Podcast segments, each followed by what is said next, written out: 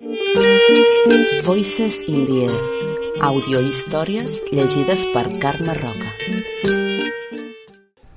Empatia XXL d'Àngels Fitó Bertran.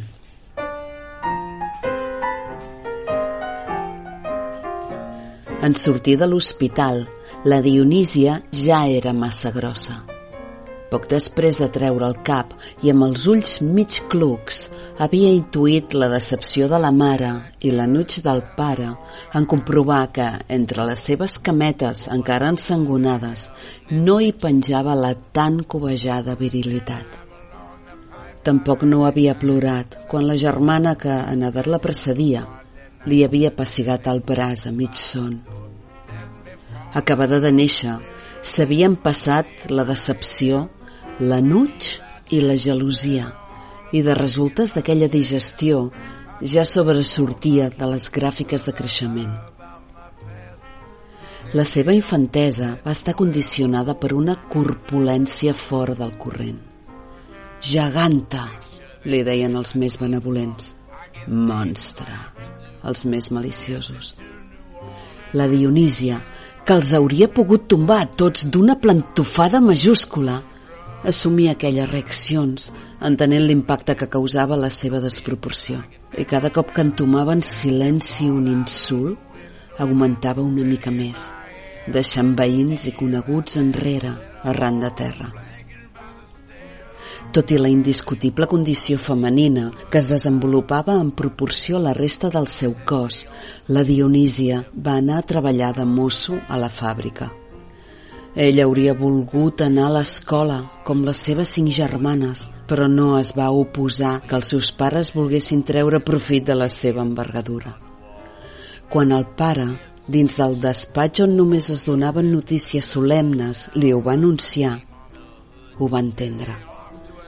I encara que els seus desitjos eren uns altres, no els tingué pas rancúnia per haver pres una decisió del tot justificada.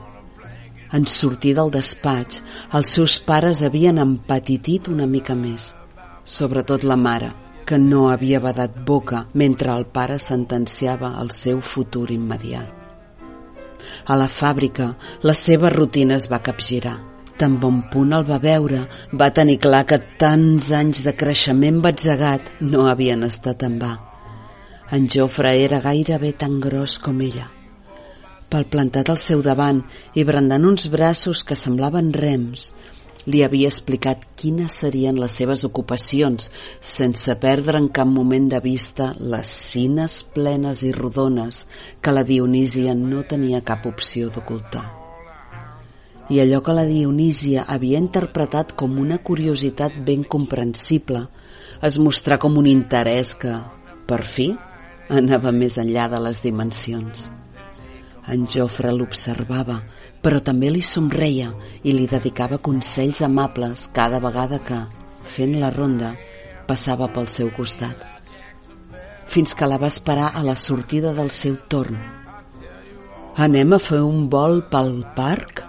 li havia suggerit el noi. D'acord, li havia respost la Dionísia amb les dues galtes vermelles com mitges síndries i aquells passejos esporàdics entre els arbres en poques setmanes es van convertir en cita diària, unes trobades on la Dionísia es deixava grapejar el cul massís i els pits molsuts mentre feia plans de futur que la portarien primer a l'altar i després a formar una gran família.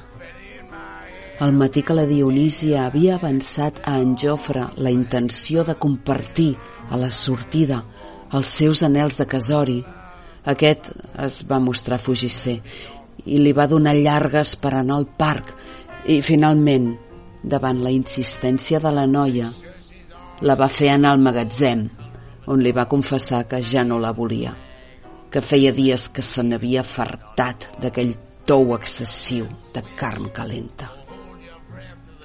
Aquella revelació va fer trontollar la Dionísia. Era ben comprensible que en Jofre preferís algú més de la seva mida.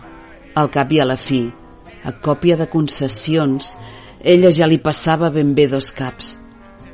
però també va entendre que si aquell cop engollia tota la decepció i la ira que li rosegaven al pit, es faria massa gran, massa gran per tornar mai a casa. Llavors va agafar la clau anglesa que tenia a tocar i d'un cop sec i poderós li va esbarlar el cap. Aquella tarda, en arribar a casa, va parlar amb els seus pares i germanes sense haver de baixar el cap. Send me off bed forevermore.